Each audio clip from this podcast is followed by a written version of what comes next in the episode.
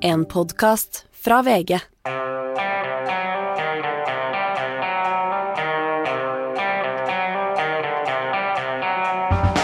Ikke visste jeg at alle disse dagene som kom og gikk, de var selve uke 32. Norge er på vei tilbake mot normalen. Ikke helt, eh, ikke helt normale ennå, men eh, fra mandag, Astrid, da begynner, begynner vi å bli ganske normale igjen. Bortsett fra at vi skal til Arendal, selvfølgelig. Normal? Da snakker du om Da snakker jeg om at da er alle på jobb igjen, og da, liksom, da går jula som de pleier.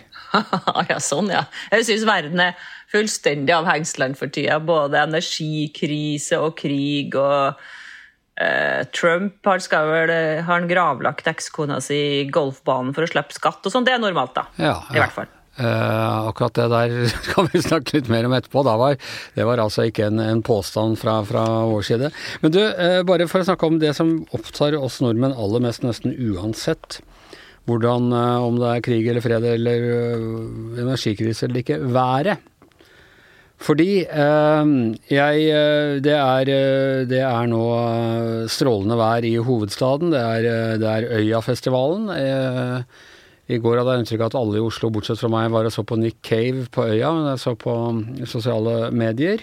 Eh, Det gode været fortsetter. Lørdag ventes noen lettere skyer på morgenen. Altså blir, blir det gradvis eh, bedre. Men så hver eneste dag når vi har sånn morgenmøte, og jeg ser deg på eh, denne Google Meet-bildet, så er du ute og går ut i noe som jeg ville kalt novembervær. Anders, nå er du bare ondskapsfull. Nei, jeg er mer Jeg prøver å være Jeg prøver å være Her er ondskap. Altså, Jeg orka snart ikke å lese noe mer om den Øyefestivalen som dere har nede i Oslo. Her jeg sitter på Nordmøre i Surnadal. I går kveld så spurte samboeren min om han skulle tenne opp, for det var ganske kaldt. Det var jo under ti grader. Det regna jo hele tida. Jeg har eh, kjøpt solkrem i år. Den var på 70 Jeg har ikke fått brukt noe av den. Jeg har vært på stranda en gang. Det var iskaldt. Det var ikke noe bading eller altså ja. Det, vi har eh, lave strømpriser, men det er en grunn til det. Det regner hele tida. Ja, men det er nettopp det, og det var egentlig det, det jeg skulle fram til. Altså, dere betaler en pris for, eh, for billig strøm. eh, og det er det der litt spesielle værskillet som har vært i år. det følger jo omtrent strømprisene. Ja, vi, vi har godt vær. Vi ligger jo på randen av en sånn hetebølge fra Europa som kan være litt foruroligende, vi òg, men, men tross alt innenfor et slags sånn eh, normalt uh, sommervær. Og, og så er det dårlig vær uh, nord for Dovre. Uh, og til gjengjeld der betaler dere ingenting for strøm, så der har dere råd til å, til å være med dere i, i det dårlige været. Du er på panelovnen akkurat nå, det er helt sant. Den står borti ved døra her.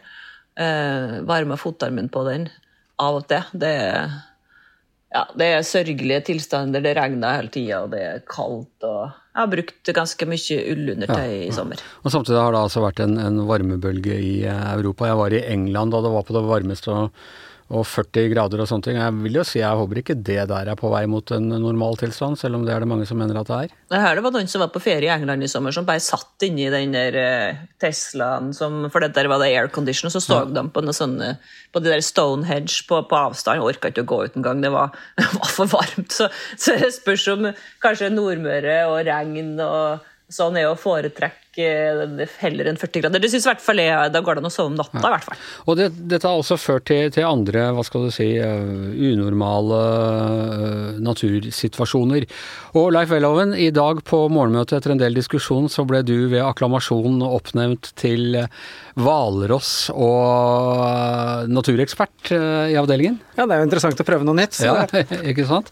Eh, og det er altså i, i hele sommer Freya, den Guds gave til agurktiden. Eh, en diger hvalross som har eh, kommet inn eh, til Sør-Norge, jobba seg oppover kysten, og ser nå ut til å ha funnet seg til rette i, rundt Bærum og Frognerkilen eh, i Oslo. Det har hele tiden vært snakk om at vi, å, vi, dette må vi tåle, og vi skal ikke gjøre noe med Freia. I går så snudde tonen eh, der fra myndighetene.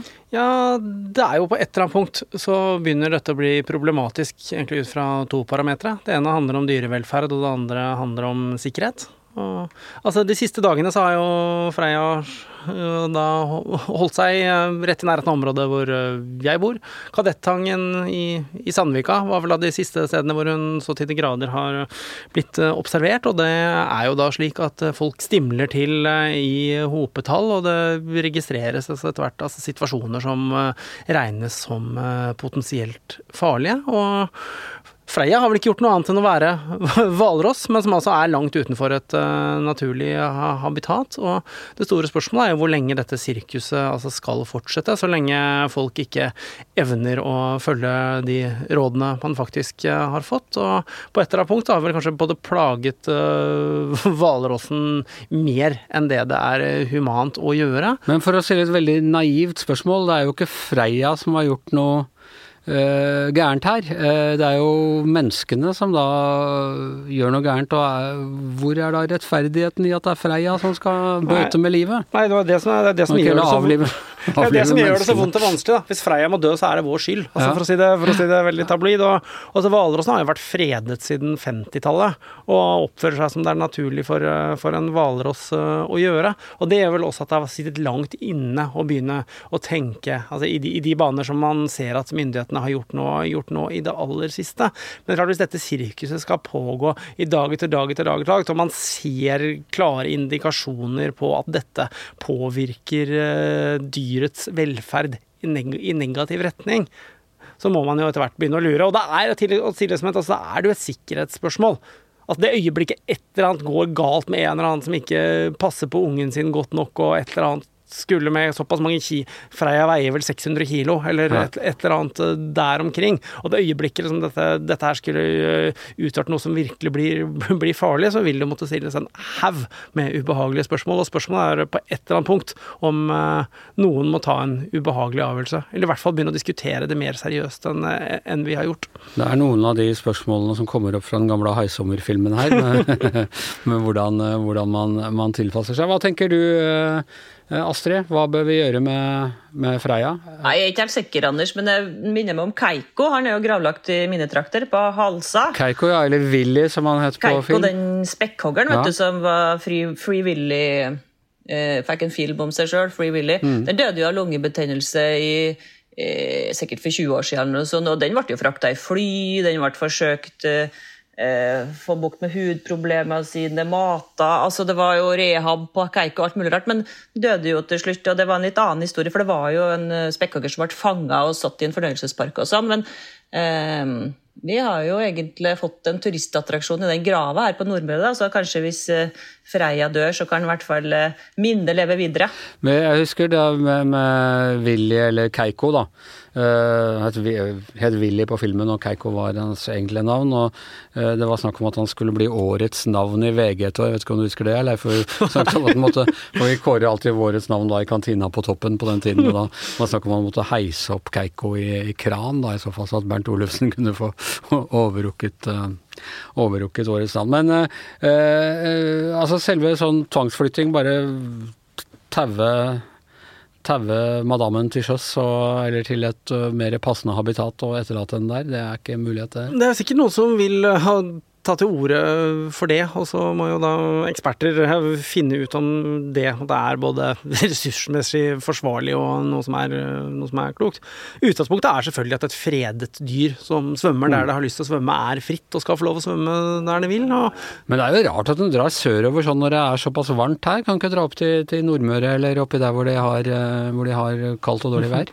Nei, så det var noen som mente at hun er på en eller annen sånn, hun får i seg nok næring her, er på, er på vei i en eller annen ferd mot Svalbard. Å, ja. Og håpet var vel at, hun ville, at dette ville løse seg naturlig, men klart i den, i den grad Freia liksom var sommergjest eh, i Oslofjorden og, og der omkring, så var det i hvert fall en gjest man ikke ble kvitt med det første. Da. Og klart, nå har vi holdt på her i Hvor lenge er det siden? Var det på vårparten en gang? Ja, vårparten at, at hun ble observert i Kragerø først, Ja. eller, eller hvor det var, om jeg, om jeg husker rett. Og klart, så er det dag ut og dag inn med altså, opplevelser som da hun etter all sannsynlighet oppfatter som Altså, så, som stressende, så er det vel kanskje grunn til å lure på om eh, hun hadde hatt det bedre med en annen løsning. Og så vil vel de fleste dyrevenner håpe at det hadde vært mer aktuelt å flytte henne, men akkurat hva som er best av de to alternativene, bør vi nesten overlate til eh, de virkelige ekspertene på dette.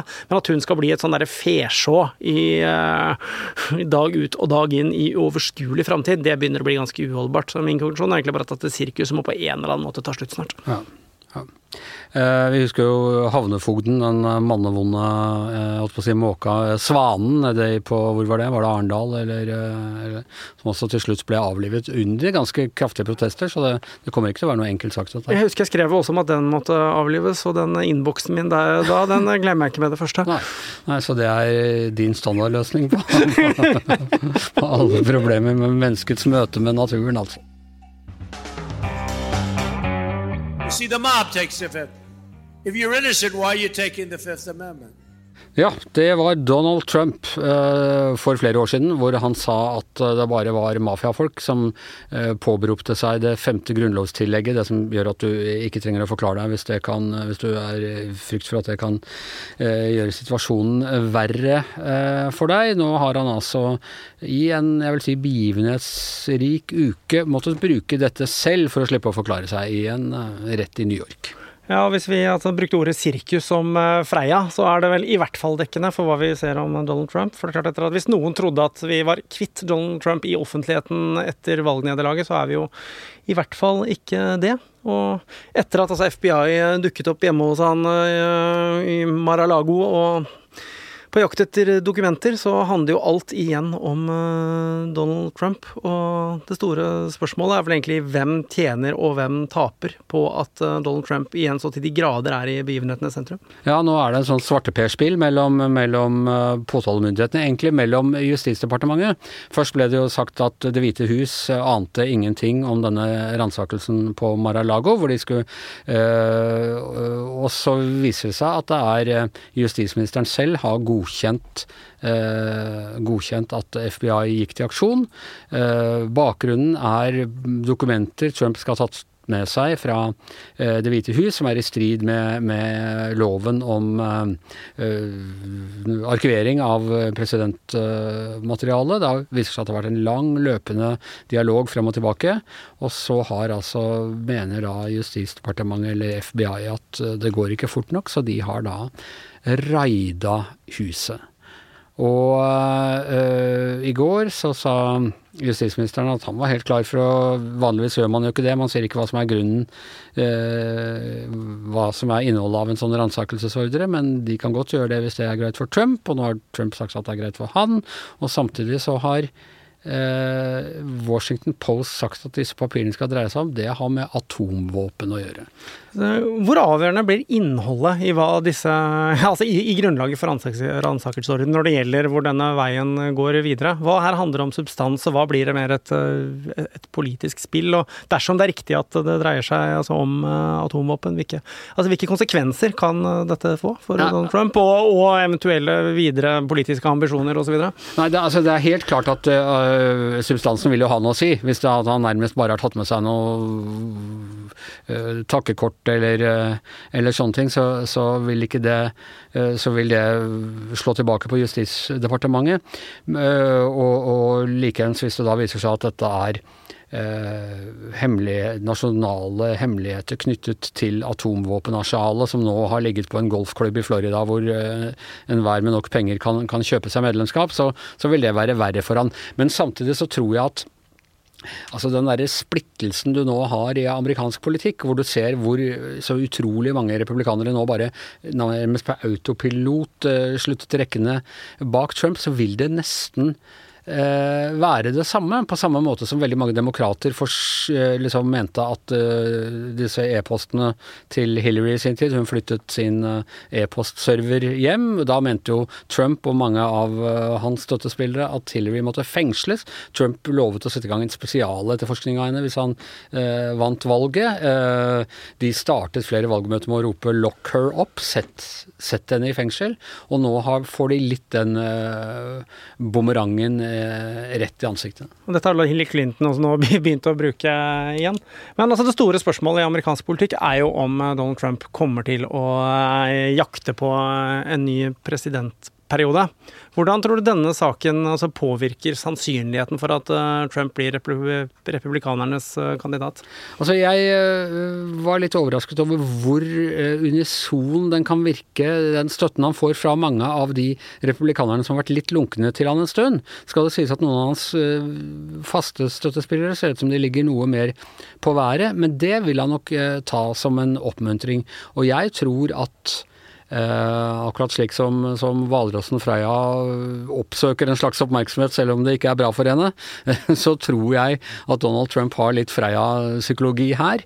Eh, at dette vil eh, friste han til å erklære, og det er jo mange som oppfordrer ham til nå, eh, erklære seg som eh, presidentkandidat for 2024. Eh, Men det er klart, 2024 er to og et halvt år til. Det er veldig tidlig å gjøre det. Forrige gang så gjorde han det altså i 2015, halvannet år før valget, og nå vil det være å gjøre det enda et år tidligere. Så nå er ikke Trump den som nødvendigvis lytter på eller følger, følger hva, hva, hva, som har vært presidents tidligere, så, tidligere, så, så det kan bli spennende å se. Hvis jeg avslutter med det helt store spørsmålet, da. I en uh, tid hvor uh, verden er, opplever veldig mye uro på ulike fronter. Én ting er på en måte om Trump mener at han skal takle fire år til som president.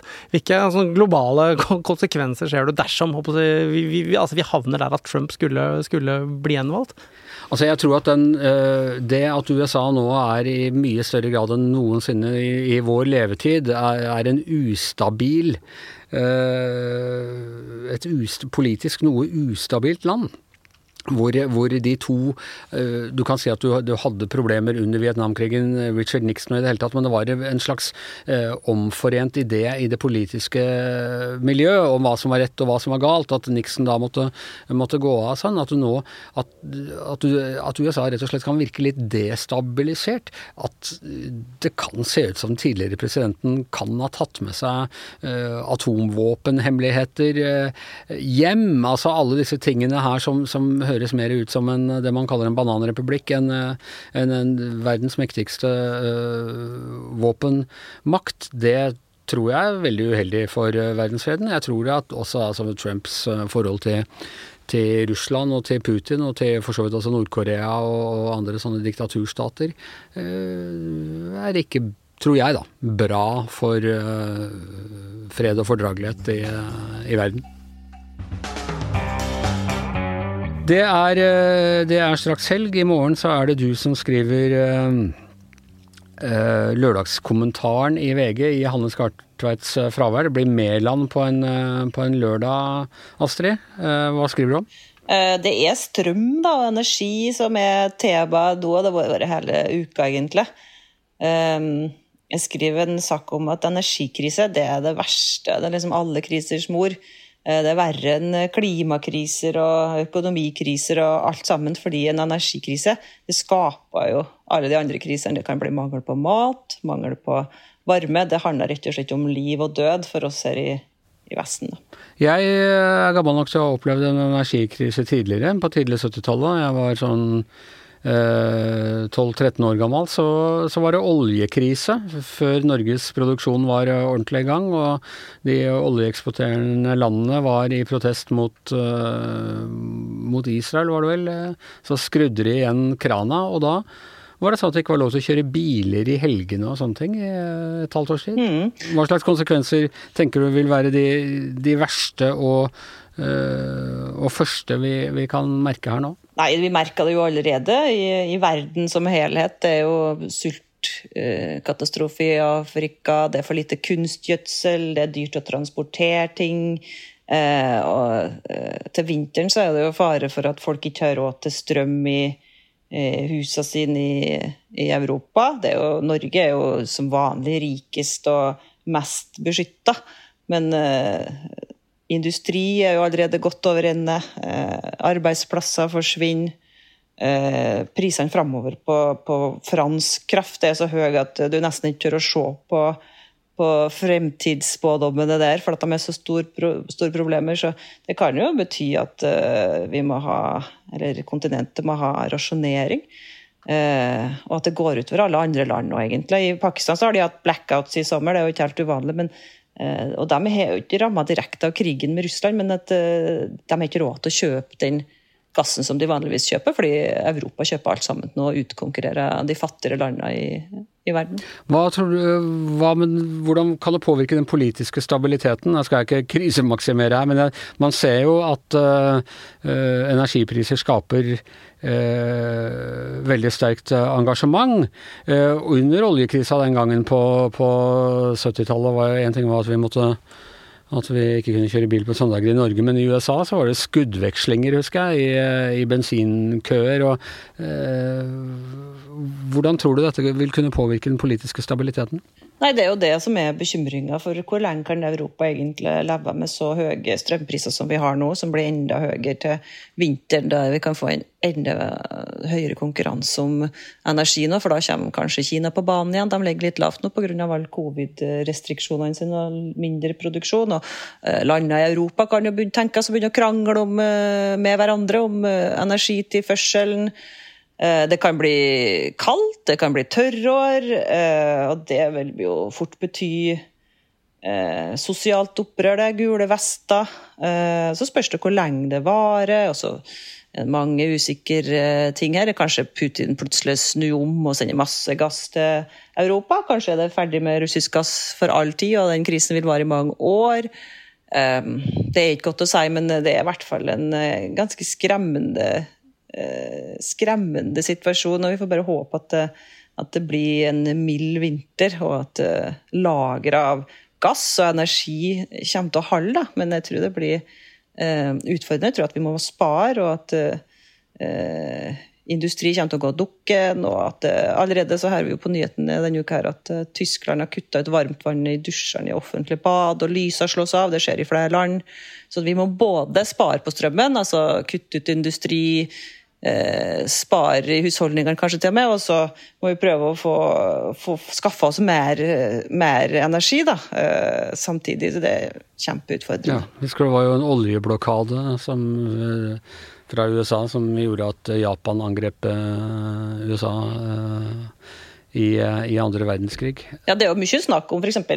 arabiske våren, Eh, at den ble utløst av en eh, matkrise, at det var så dyrt for folk at de ikke fikk eh, nok mat og ikke fikk arbeid, og at det førte til opprør. Og energikrise skaper jo alle mulige sånne ting. Det er liksom som er på alle, alle krisers mor. kan skape sultkrise, eh, sosialt opprør. Og klimakrisen blir jo verre av energikrisen òg, for nå må vi over på å bruke kull. De har jo begynt med det allerede i Tyskland.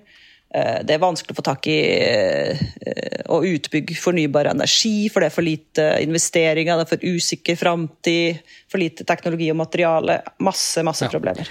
Masse, masse problemer altså. Men nå er, det, nå er det helg. Jeg vet ikke om det er noen trøst for noen. Det er helg og godt vær i Oslo.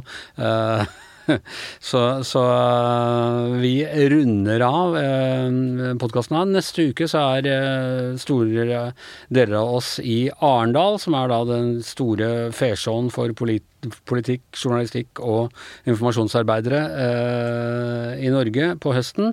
Eh, litt uklart hva som skal skje der, for det er ikke noe valg i år, så da, da kan man mangle noe motivasjon, men vi er nå i hvert fall til stede og kommer til å rapportere derfra.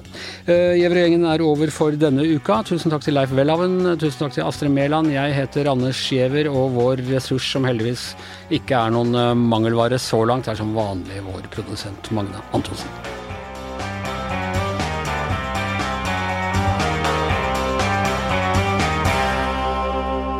Du har hørt en podkast fra VG. Ansvarlig redaktør, Gard Steiro.